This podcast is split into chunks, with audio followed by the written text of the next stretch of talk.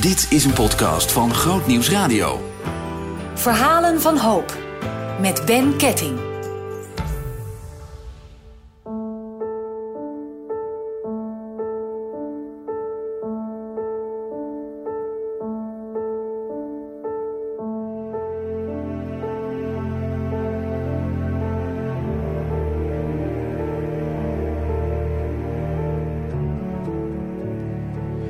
Podcast Verhalen van Hoop hoor je regelmatig heftige dingen. Meestal beginnen de problemen al op jonge leeftijd. En als je regelmatig dit soort interviews maakt of beluistert, ga je heel duidelijk een patroon ontdekken in de verhalen. Dat geldt ook voor het leven van Marco. Met zijn mooie Haags-Leidense accent geeft hij een inkijkje in zijn leven. En het kan niet anders of je krijgt begrip voor zijn situatie. Alle gasten in deze podcastserie delen niet omdat ze trots zijn op de chaos die verslaving in hun leven bracht. Maar ze zijn dankbaar voor een herstel en hopen dat door hun openheid iemand die geen uitweg meer ziet, nieuwe hoop ervaart. Ik had vijf jaar geleden had niet gedacht dat er ooit nog iemand geïnteresseerd zou zijn in mijn verhaal. En uh, het is mijn persoonlijke ervaring waarmee ik niemand tegen de schenen wil uh, schoppen. En ik wil graag uh, beginnen met een stuk uh, te vertellen waar, waar ik vandaan kom. Ook het kleine stukje voorgeschiedenis waar mijn ouders vandaan komen. Mijn vader komt uit een gezin met heel veel emotioneel misbruik. Ehm, een gezin van niet over gevoelens praten, hard werken, niet kletsen maar poetsen. En mijn moeder komt uit een gezin waar op één na alle dochters door mijn opa misbruikt zijn. En tot slot heeft mijn opa ook zelfmoord gepleegd. En die is gevonden door mijn jongste tante. Dus vanuit die gebrokenheid uh, ja, heeft mijn vader eerst een eerste gezin uh, uh, gesticht. Daar heb ik een uh, tien jaar oudere halfbroer van. En hij is ehm, topscheidsrechter betaald voetbal geworden. En mijn vader heeft over mij uitgesproken op vrij jonge leeftijd... dat ik met één been in de gevangenis stond en met de andere been in het graf. En met die boodschap ben ik ongeveer zo mijn jeugd ingegaan. Door, door het gedrag wat ik, wat ik vertoonde, dus door, door al vrij jonge leeftijd, uh, dat ik geld heel belangrijk vond. Als ik een, spelletje niet kon winnen, dan, uh, dan stal ik het geld uit zijn broekzak. Uh, ik maakte de dossier never aan de onderkant open, zodat hij er voorlopig niet achter zou komen. En uh, liegen en bedriegen was, was er al vrij vroeg in. Dus dat, uh, ja, die, met die uitspraak die is eigenlijk wel vrij lang blijven hangen. Wat dreef jou tot dit soort dingetjes? Uh, toen mijn uh, vader en moeder uh, uit elkaar gingen, was ik vier. Ik ben met mijn moeder meegegaan. En ik heb mijn vader nog wel blijven zien hoor, in de tussentijd. Maar wat ik zag thuis was altijd dat het ene financiële gat met het andere gedicht moest worden. Er was fraude, leugens. bij ons thuis was de waarheid niet goed. Dus kwam een leugen tevoorschijn om elk klein dingetje. Op een gegeven moment was het alleen nog maar liegen om het liegen. Wat deed dat met jou dan? Ja, ik zag een ideale route om uh, uh, van alle misère en alle, alle pijn uh, die er heerste, om daar een vluchtweg in te vinden. Door middel van geld en door middel van spullen hebben. Ik was eigenlijk, als ik achteraf terugkijk, best wel een verschrikkelijk verwend, verwend kind met heel veel speelgoed. Mijn moeder heeft zich in allerlei bochten ge gevangen om mij van alles te kunnen geven vakantiereisjes die we helemaal niet konden betalen. Als we weer emotioneel zwak zaten, maar weer buiten de deur eten, wat allemaal veel te duur was, ver boven de begroting. Dus dat heb ik al vrij vroeg meegekregen van hé, hey, dat is een vluchtroute. Als je niet lekker voelt, dan ga je niet praten, maar dan ga je het invullen met iets van buitenaf. Hoe was jouw band met jouw moeder dan? Uh, in een heel erg uh, codependent stuk van mijn moeder vandaan. Dus dat is een mede-afhankelijkheid. Uh, mijn moeder heeft ook wel eens gezegd dat ze dat ze mij op vrij jonge leeftijd in Italië al zag een soort partner waarmee ze over de boulevard liep. Um, mijn moeder heeft mij vaak als een soort surrogaat partner gezien. Dat heeft ze zelf ook beaamd. En uh, mijn moeder was emotioneel kapot, gebroken. Met alle relaties die zij nadien, na mijn vader, nog geprobeerd heeft op te bouwen.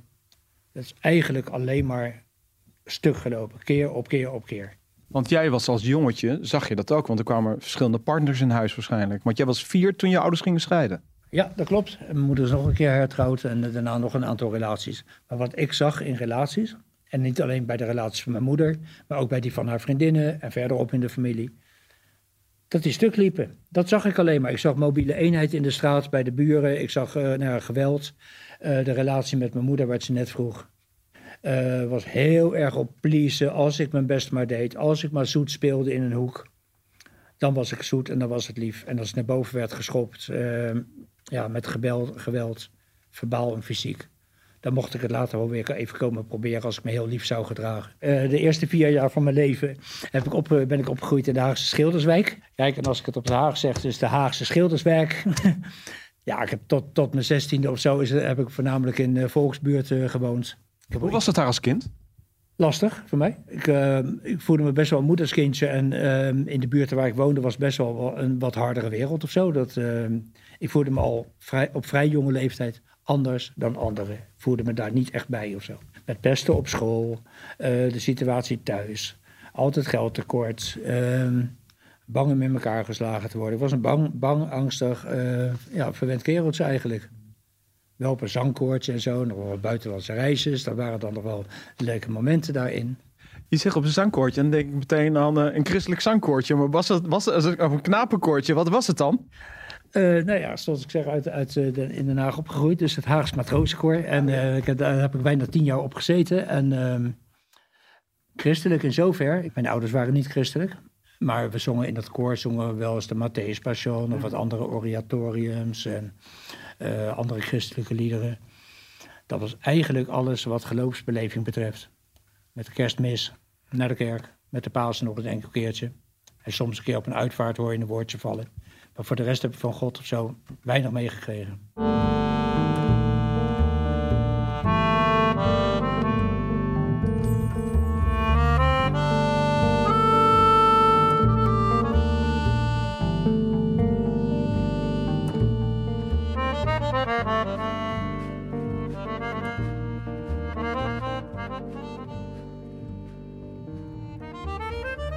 Had al vrij snel in de gaten op, op de lagere school uh, dat ik er heel goed in was, dacht te zijn om vriendjes te kunnen kopen. Dus met gestolen snoepgoed, wat mijn vader had liggen. Uh, het begon met de muntenverzameling uh, die mijn vader had liggen. Daar de riksdaalders uithalen en de guldens. En toen, toen dat op was, ging ik naar de kwartjes en dubbeltjes. Totdat uiteindelijk al die envelopjes leeg waren. En daarmee kon ik vrienden kopen. En ik begon gewoon te gokken op school. En dat, ik had een clubje. En ik dacht, ha, ik heb vrienden. En en daar heb ik het een beetje op gebaseerd. Als, het, uh, als er vriendjes bij me thuis kwamen om te spelen, dan was het uiteraard mijn speelgoed. Bepaalde ik hoe ermee gespeeld moest worden. Ik bepaalde daar de regels. En beviel het ze niet, ja, dan ga je toch. En dat was mijn, mijn manier om een beetje controle te houden over een soort leven waar ik eigenlijk totaal geen controle over had. Dus door andere mensen te manipuleren, het naar mijn hand te zetten, op die manier heb ik eigenlijk ook vanaf dat moment ook de rest van mijn leven ingebouwd. Maar dat manipulatieve gedrag, dat, heb je dat op thuis opgepikt, ook als jong kind al? Of, of was dat iets wat al in je zat, waarvan je dacht van hé, hey, dat, daar ga ik gebruik van maken? Ja, dat, dat is er zo ingegroeid. Um, ja, bepaalde voorbeelden doet, doet volgen. En dat, uh, ik heb mijn moeder zien pleasen. Ik heb mijn moeder uh, mensen ook zien, zien kopen. En dat ging altijd om uh, ja, materiële dingen. En op die manier had ze een band met elkaar. En dat, dus dat heb ik nagevolgd. En daar was geld voor nodig. En daar was voor mij op een gegeven moment ook heel veel geld voor nodig. Op mijn dertiende uh, werkte ik in een bloemenwinkel. En ik was altijd blij als de baas eventjes zijn voeten had gelicht.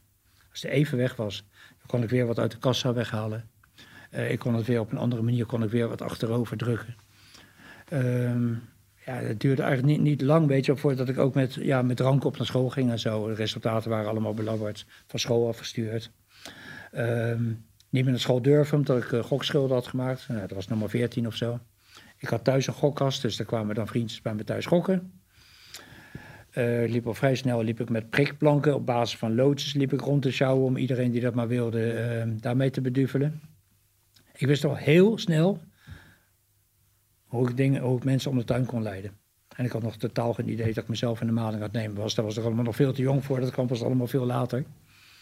En uh, eigenlijk, als ik even een sprongetje maak is bij elke werkgever waar ik heb gewerkt, is het op geen enkele manier eerlijk gegaan.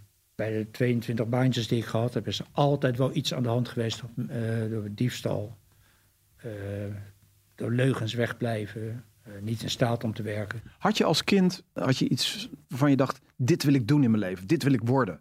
Absoluut.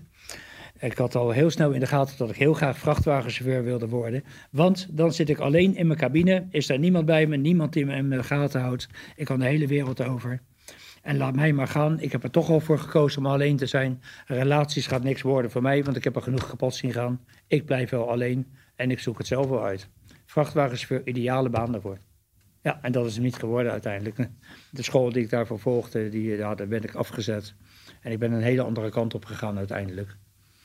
Uh, doordat ik al een baantje had in een bloemenwinkel, uh, ben ik met mijn moeder op mijn zestiende een bloemenzaak begonnen. Maar ja, in die periode, ja, van het ene, van, van het drank en het gokken wat er al in zat, kwam er heel snel kwam het volgende om de hoek kijken aan middelen. Kon ik eigenlijk op een gegeven moment daar ook niet functioneren.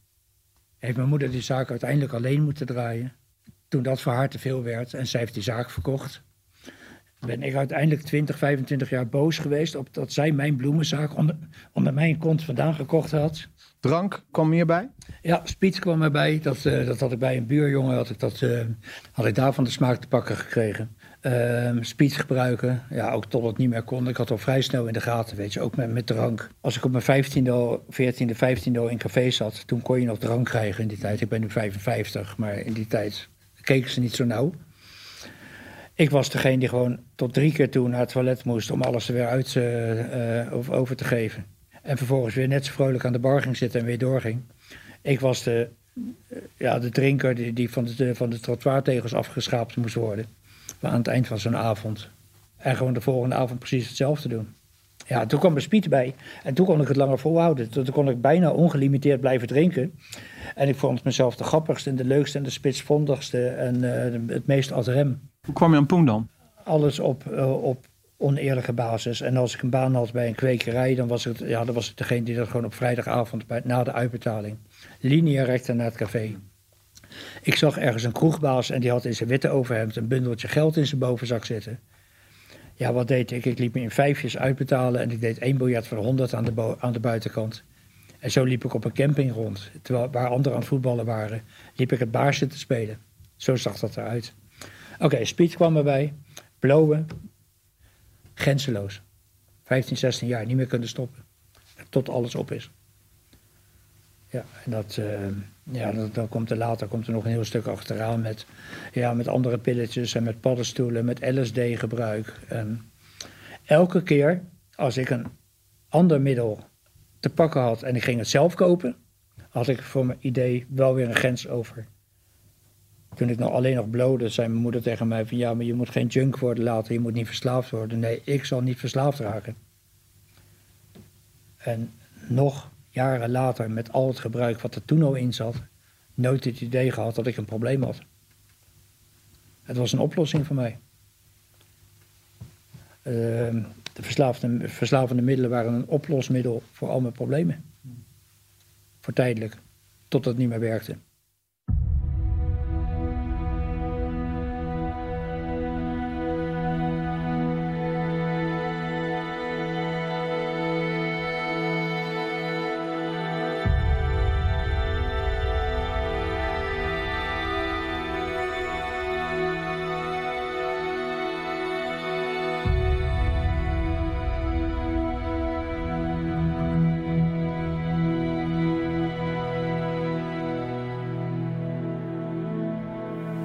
Ik kan niet zeggen dat ik heel veel hoogtepunten heb gekend eigenlijk. De enige hoogtepunten zaten er voor mij in als ik een keer weer wat kon, kon lenen van een dealer. Later kwam natuurlijk cocaïne in het spel met, door middel van snuiven. -hmm. toen kreeg ik later de smaak te pakken van cocaïne bezen. Dat, dat is cocaïne op een pijpje gooien, aansteken. En daar hele diepe hijsen van nemen. En dat ging echt heel erg hard qua geld. Het maakte me echt niks meer uit. En al die keren dat ik weer echt mijn huis uitgezet werd. Of er bijna uitgezet werd. Alle keren dat mijn moeder zei van, weet je wat Marco, blijf maar thuis. Dit is de zoveelste kerst die je voor me verpest hebt. Dit is de zoveelste moederdag dat ik met eten op je zit te wachten. Of een verjaardag, noem het allemaal maar op. Blijf maar weg, je zal wel weer op Appie of op Ali zitten te wachten voor je, voor je rotzooi. Had jij in die tijd mensen om je heen met wie je kon praten, mensen waar je op kon vertrouwen? Zeker, er zijn altijd een aantal mensen geweest die altijd wel voor me klaar wilden staan. Maar ik kon niemand dulden in mijn omgeving. Ik kon pas lekker gaan gebruiken toen iedereen weg was uit mijn omgeving. Als ik wil gebruiken, Dan moet alles wijken. Alles moet aan de kant van ik wil mijn middel hebben. Ik laat geen hulp toe. En de andere kant van het verhaal is, laat mij maar, ik ben niet meer te helpen. Voor mij is er geen oplossing meer. Het maakte mij niet uit dat mijn kiezen of mijn tanden eruit vielen. Ik denk, ik ga toch wel dood. En zelfs dat interesseerde me niet.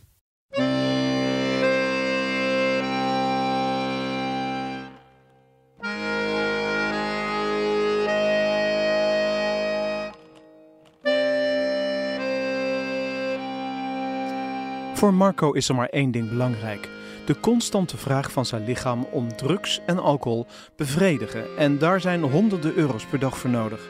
Geld dat hij niet heeft. Daarom leren mensen met een verslaving al vroeg om anderen in hun omgeving te manipuleren. De mensen die geld geven doen dat vaak uit medelijden.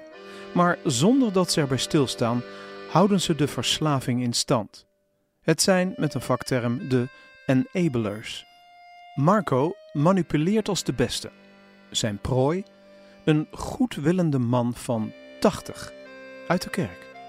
Ik heb in Den Haag ehm, rond het jaar 2000 heb ik iemand leren kennen in een kerk. En die man die, die kwam in het begin ook wel eens een afwasje bij me doen. Of een keer met de hond uitlaten als ik het zelf niet meer toe in staat was.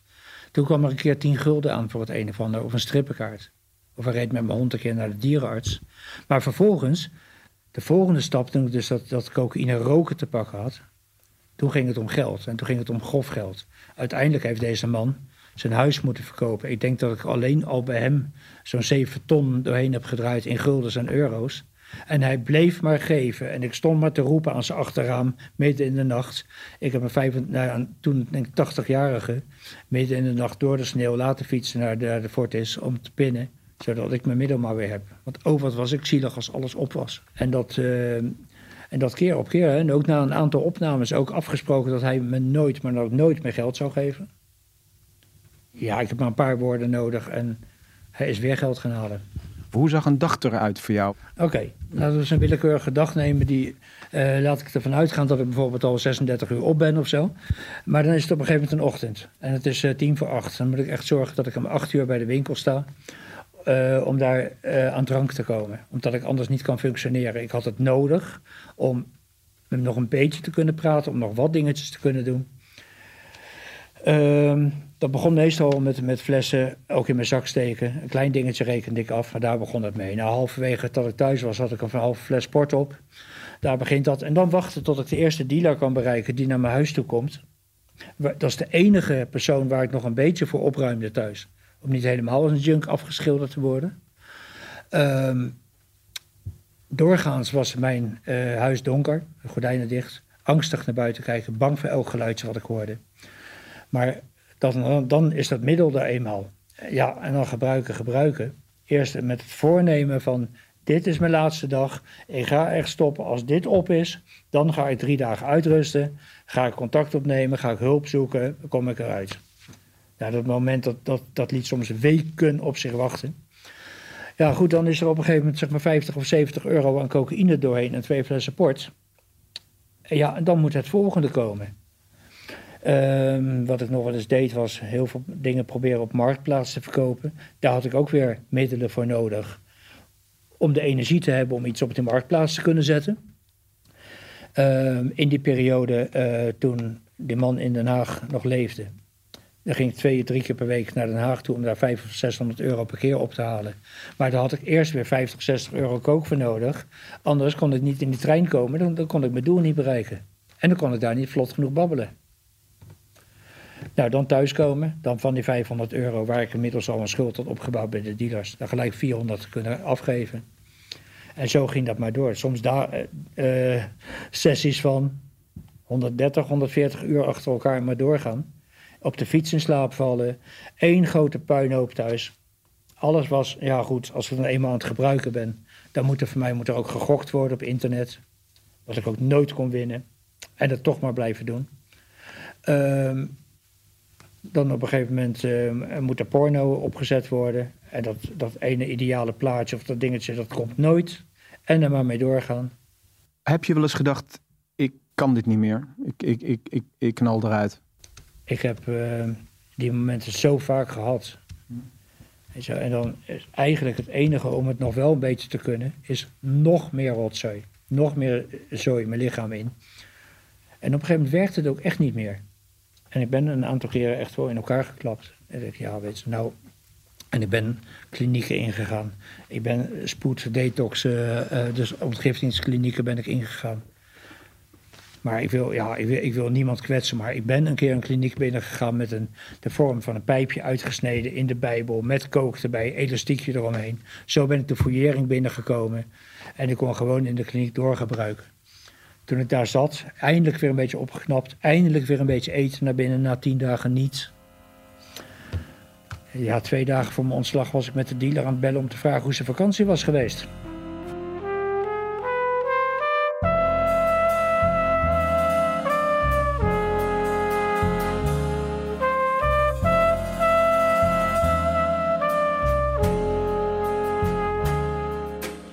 Meeste mensen die in deze podcast hun verhaal vertellen, kennen een lange geschiedenis van opnames. Meestal is de hoop GGZ niet de eerste of de enige plek waar er geprobeerd wordt af te kicken. De terugvallen komen hard aan en zijn keer op keer een grote teleurstelling. Ook Marco heeft zo zijn lijstje. Ik denk dat ik op mijn dertiende of mijn veertiende ben ik door mijn moeder al eens een keertje naar het RIAG. Dat is een zeg maar, soort uh, uh, noem het, ja, jeugdhulp ben ik terechtgekomen. Uh, maar op mijn vijftiende of zestiende kwam ik al eens een keer op het consultatiebureau voor alcohol en drugs terecht. Dat, die herinnering is eigenlijk pas laatst weer naar boven gekomen. Ik denk, oh ja, daar ben ik ook nog geweest. Ik heb eigenlijk de, de, de opnames, de eerste dertien of zo, die ik gehad heb, voor de hoop, ben ik allemaal binnengekomen omdat ik het deed voor de familie om me heen. Ik heb een lievelingsnicht, die is altijd voor me geweest, maar of voor mijn vader of voor, voor wie dan ook, ben ik die kliniek ingegaan. Omdat ik dan mijn hond weer terug zou krijgen. Ik heb het nooit voor mezelf gedaan. Nooit gedaan te pleasen, om het mensen naar de zin te maken. Maar inmiddels met een dikke vinger, middelvinger achter mijn rug, wacht maar als ik hier uit ben, heb ik laten zien dat ik mijn beste wel heb gedaan. En vervolgens ga ik lekker toch weer mijn eigen gangetje. Want dat is wat ik heel goed kon, mijn eigen gangetje gaan. Als je op een gegeven moment het idee hebt van dit wordt mijn leven, er is geen andere weg mogelijk. Uh, op deze manier zal ik ook wel op een gegeven moment aan mijn einde gaan komen. Kliniekje in, even bijkomen, even een paar uh, vitamine-injecties en een beetje flink eten. Een beetje gezellig weer met de wandeling mee, want ik was altijd wel gelijk op dag twee het beste jongetje van de klas natuurlijk. Dus ik deed er volop mee, ik zag het wel weer even zitten. Maar ja, na drie, vier dagen nuchter begint het weer te knagen. Hunkeren naar de volgende high. En ik elk, elke keer als ik weer gestopt was voor, voor een week of voor drie weken of wat dan ook. Ik, ik begon weer met de hoeveelheden drugs en drank waar ik de laatste keer bij geëindigd was. Dus het werd alleen maar gekker.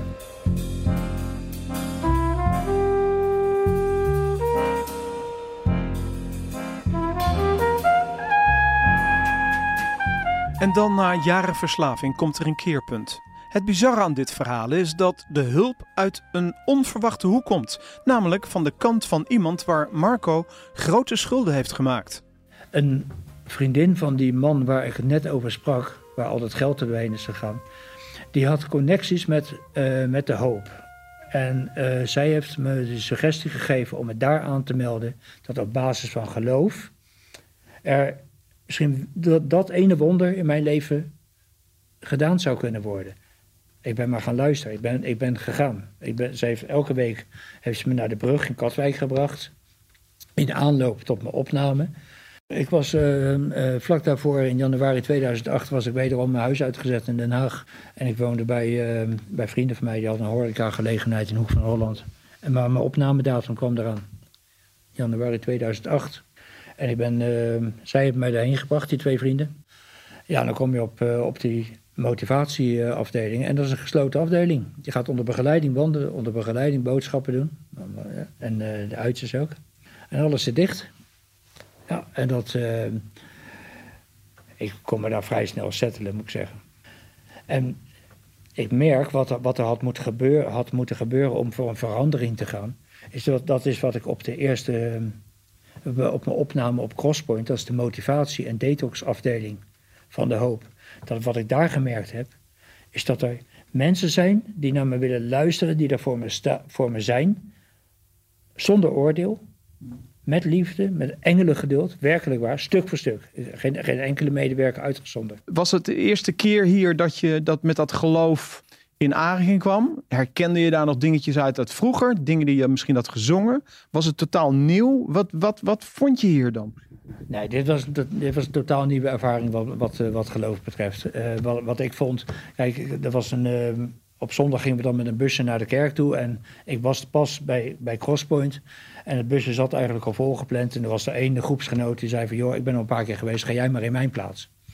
En toen werd ik die keer gegaan en bij die eerste zondagdienst ging mijn hand omhoog om mij over te geven, nou, om naar voren te gaan en zo. En toen kwam er ook nog eens een een lied voorbij dat er een God is die uh, mijn hele leven al van mij houdt. Wat ik dus nooit heb geweten. Vader God, ik vraag mij af. En ik denk, dit is wat ik mijn leven heb gemist. Wat ik nodig had, is dat ik inzag dat ik van binnen hartstikke leeg was. En dat alles alleen maar van buitenaf opgevuld werd. En nu begon er binnenin iets te veranderen. En ja, die, die, de liefde die ik voelde, die raakte me gelijk van mijn, van mijn kruin tot aan mijn tenen. En toen dacht ik, ja, dat, dat heb ik nodig. Dus ik ben me daarin gaan verdiepen. Dat was niet zo'n hele moeilijke stap toen.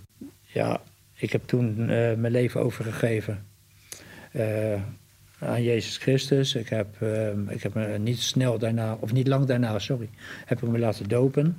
En ik denk, ja, hier is, hier is al, dus iets gebeurd. Hier is een verandering binnenin gekomen.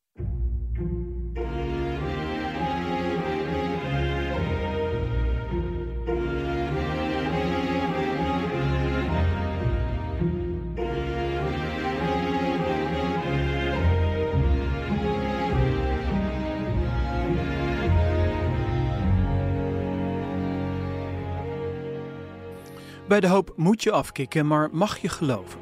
Marco maakt behalve lichamelijk ook een innerlijke, geestelijke verandering mee.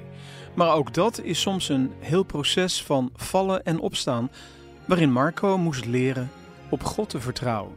Um, wat ik in die periode heel sterk heb gemerkt en wat mij voor langere tijd, wat ik nog nooit had meegemaakt, clean gehouden heeft. Uh, door de continue stroom van bemoediging, van gebed, van medewerkers, van gasten onder elkaar. Um, met, met themaweken, met werkweken naar Zwitserland. Alles bij elkaar, dat complete pakket.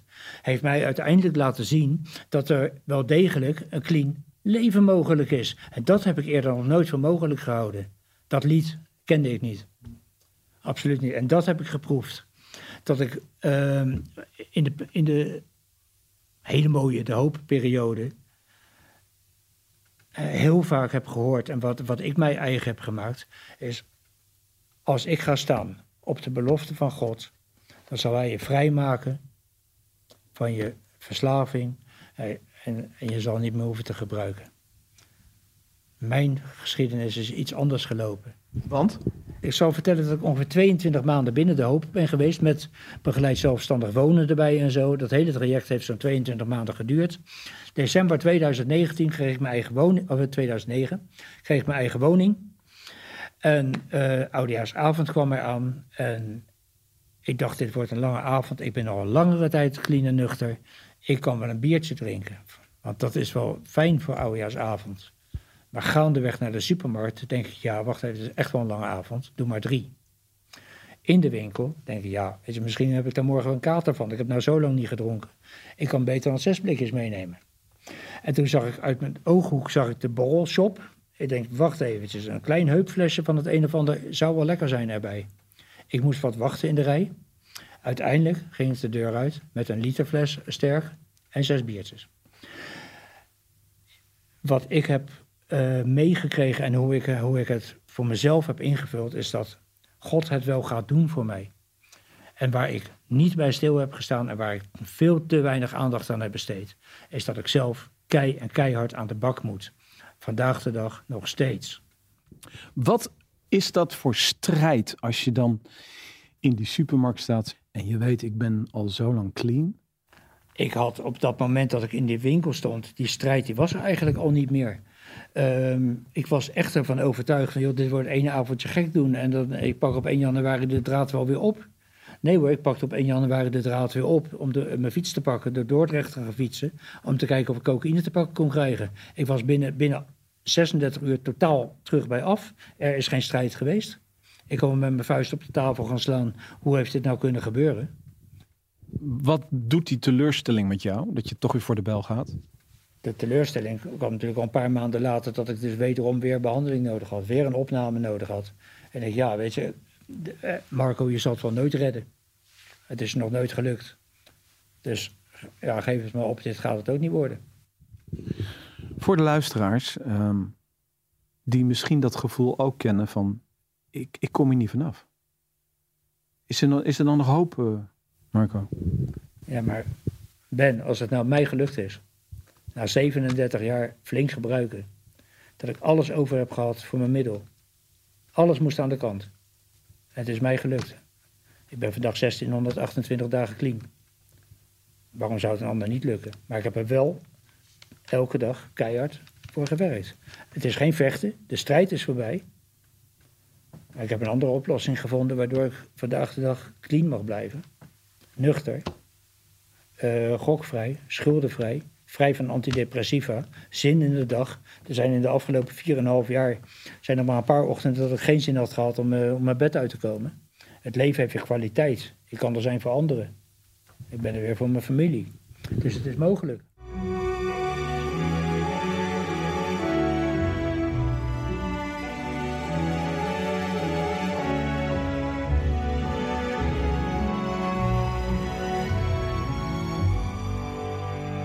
Ik heb in mijn loopbaan bij de Evangelische Omroep een aantal verhalen gemaakt van verslaafden die na een aanraking van God meteen genezen waren van hun verslaving. Maar de realiteit van verslaving is dat ondanks een geestelijke verandering een druggebruiker hard moet werken om beter te worden. Voor Marco begon dat beter worden met een besef van wat verslaving eigenlijk is. Waar het, waar het werkelijk uh, begon, 7,5 jaar geleden, kwam ik in een kloosterweekend terecht in Postel in België. En uh, mijn leidinggevende, die was daar ook. En die vertelde tegen mij dat er daar een man rondliep met het soortgelijke probleem als wat ik had. Alleen, die was zo vier jaar nuchter. Ik tikte gelijk op mijn voorhoofd. Ik denk, die is gek, dat kan niet, die liegt, dat bestaat niet. Ik ben met hem in gesprek gegaan.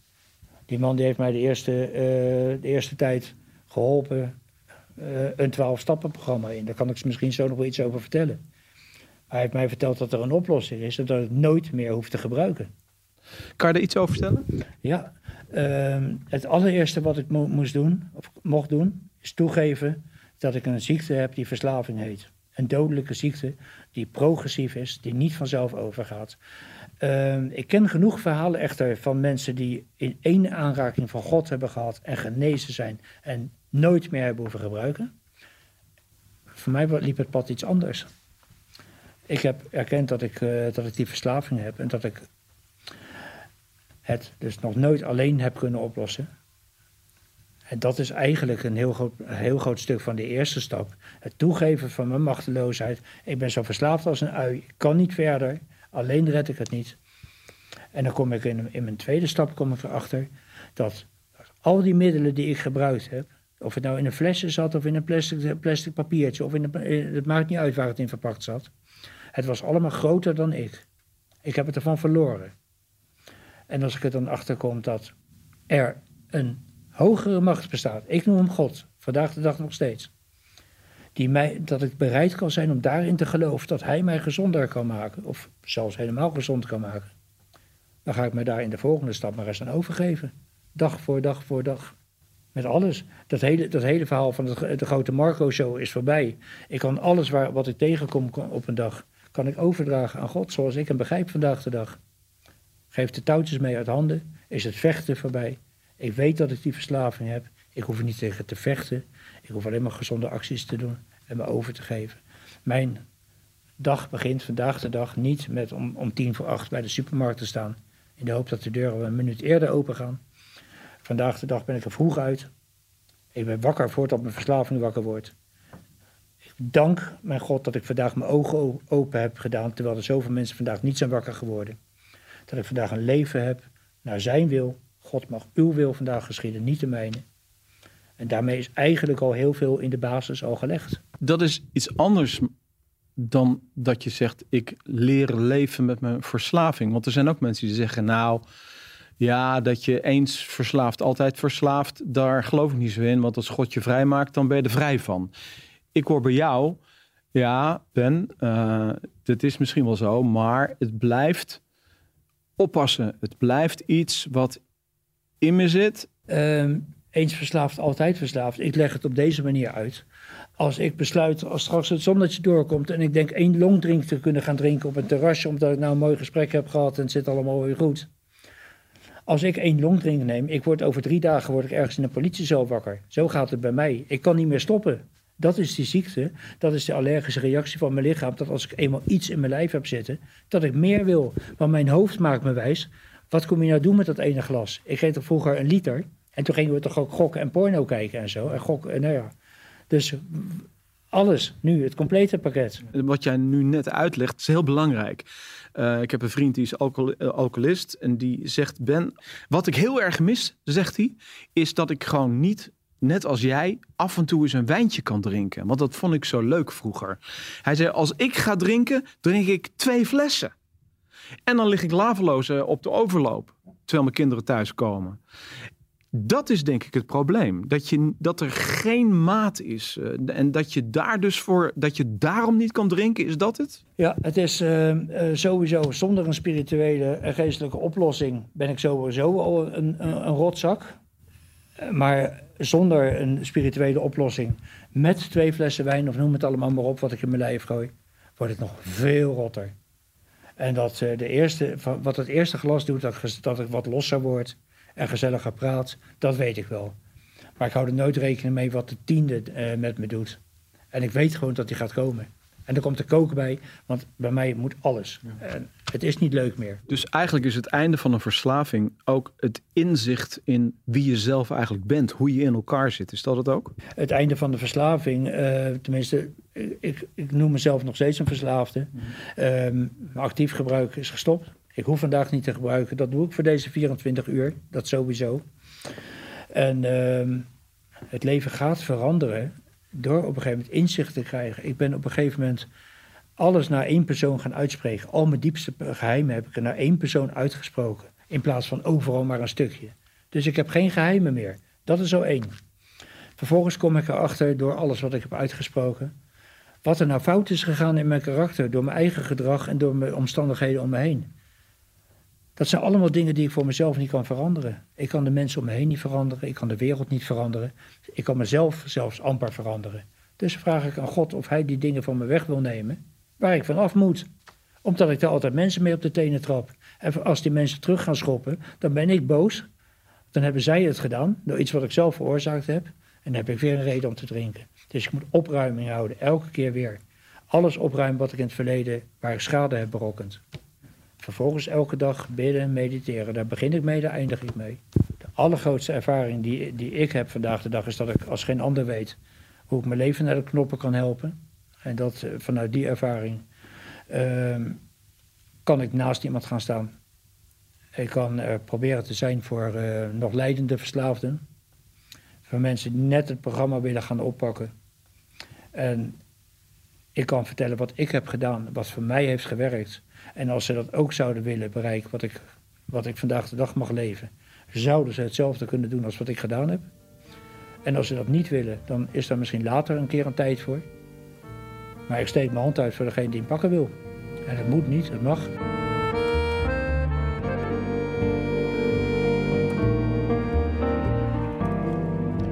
Tijdens het gesprek met Marco loopt het kippenvel soms over mijn rug. Gewoon omdat ik merk dat Marco met al zijn tekortkomingen toch de moed heeft vandaag in die overwinning te staan. En op deze manier kan hij ook anderen om zich heen tot hulp en voorbeeld zijn. Gewoon om als ervaringsdeskundige te delen van wat hij zelf ontdekt heeft. Weet je, een van de leuzen van de hoop was toen de tijd ook van... de hoop kent geen hopeloze gevallen. En... Uh, ja, ik heb zelf de grote vergissing gemaakt. Ik dacht echt dat ik hopeloos was. En eigenlijk zou het misschien al lang menselijk eh, gezien afgelopen moeten zijn. Het feit dat ik hier vandaag zit. Wat ik binnen de hoop heb ervaren is dat je... Ja, uh, er is hoop. Er is een hoopvolle toekomst voor ons weggelegd. Dat ik het nooit meer alleen hoef te doen. En dat heb ik vanaf de eerste dag binnen de hoop ervaren. En dat ervaar ik vandaag de dag nog steeds. Ook al is dat in een hele andere setting. Er is altijd hulp mogelijk. Alleen moet ik er wel zelf naar uitreiken. Het komt niet mijn deur binnenwaaien. Als ik werkelijk een ander leven wil, als ik echt wil stoppen met gebruiken en er wil zijn voor mijn medemens, dat het vandaag de dag niet meer om mij draait, maar om de ander. En dat zijn ook echt bijbelse principes, maar dat maakt me tegenwoordig ook eigen. Het draait niet meer om mij. Maar als ik echt die verandering wil, dan moet ik daar wat voor doen. Ik heb het opzij moeten zetten. Als ik werkelijk iets anders wil, zal ik iets anders moeten doen dan dat ik altijd gedaan heb. Anders verandert er niets. Ik sta nu tegenwoordig met de gordijnen open Nederland in beweging te doen. Vroeger zat alles potdicht en had ik de hele straatbreedte nodig voor mijn beweging. Om thuis te komen met mijn rammelende blikjes en mijn flesjes. Uitgelachen door de hele buurt. En vandaag heb ik met iedereen in de buurt wel een beetje een connectie op de een of andere manier. Ik kan overal komen en staan en gaan waar ik wil. Ik kan mijn hoofd rechtop gehouden houden. Ik hoef voor niemand te buigen. Behalve dan voor mijn maker.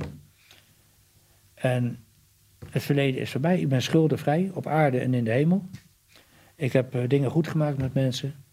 Ik mag uh, proberen andere mensen te helpen, daar waar mogelijk. En uh, ik heb best wel een oké leven eigenlijk zo, met heel, heel wat momenten van geluk zo door de, door de dag heen. Ik houd vandaag de dag van mezelf. Ik houd van de mensen om me heen. Ik ben weer in staat om te houden van. Dus ze is al geboren, ze loopt wel ergens rond. Ik weet het nog, ik weet het nog niet. Ja, ik zeg het al, ik heb geen, eh, geen medicatie meer nodig. Ik had vroeger overal een pilletje en dingetje voor, ook van artsen. Het is niet meer nodig. Pilletje. Ja, ja, ja. Blijf het maar. Prachtig, prachtig hè, dat Haags. Ja, ja, Blijf erin zitten.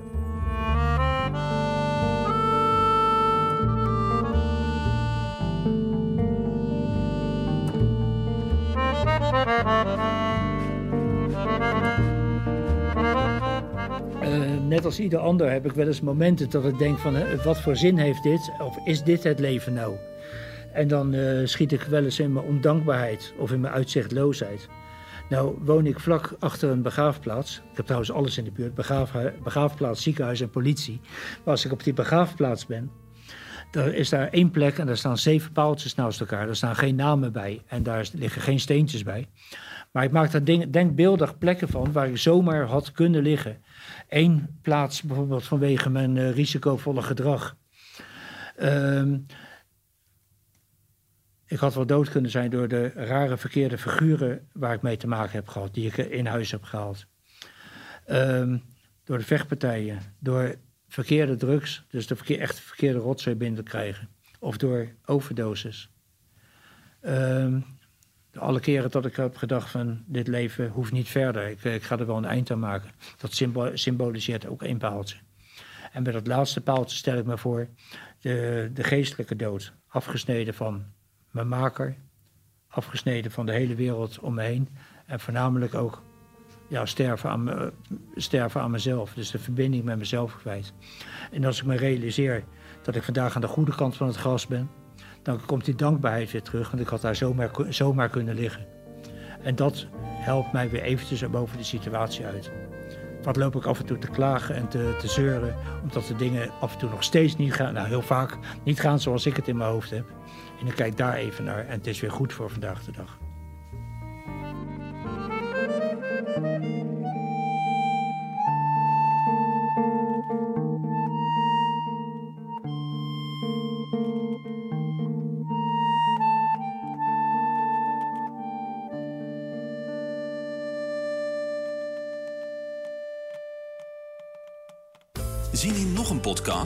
Ga naar grootnieuwsradio.nl slash podcast.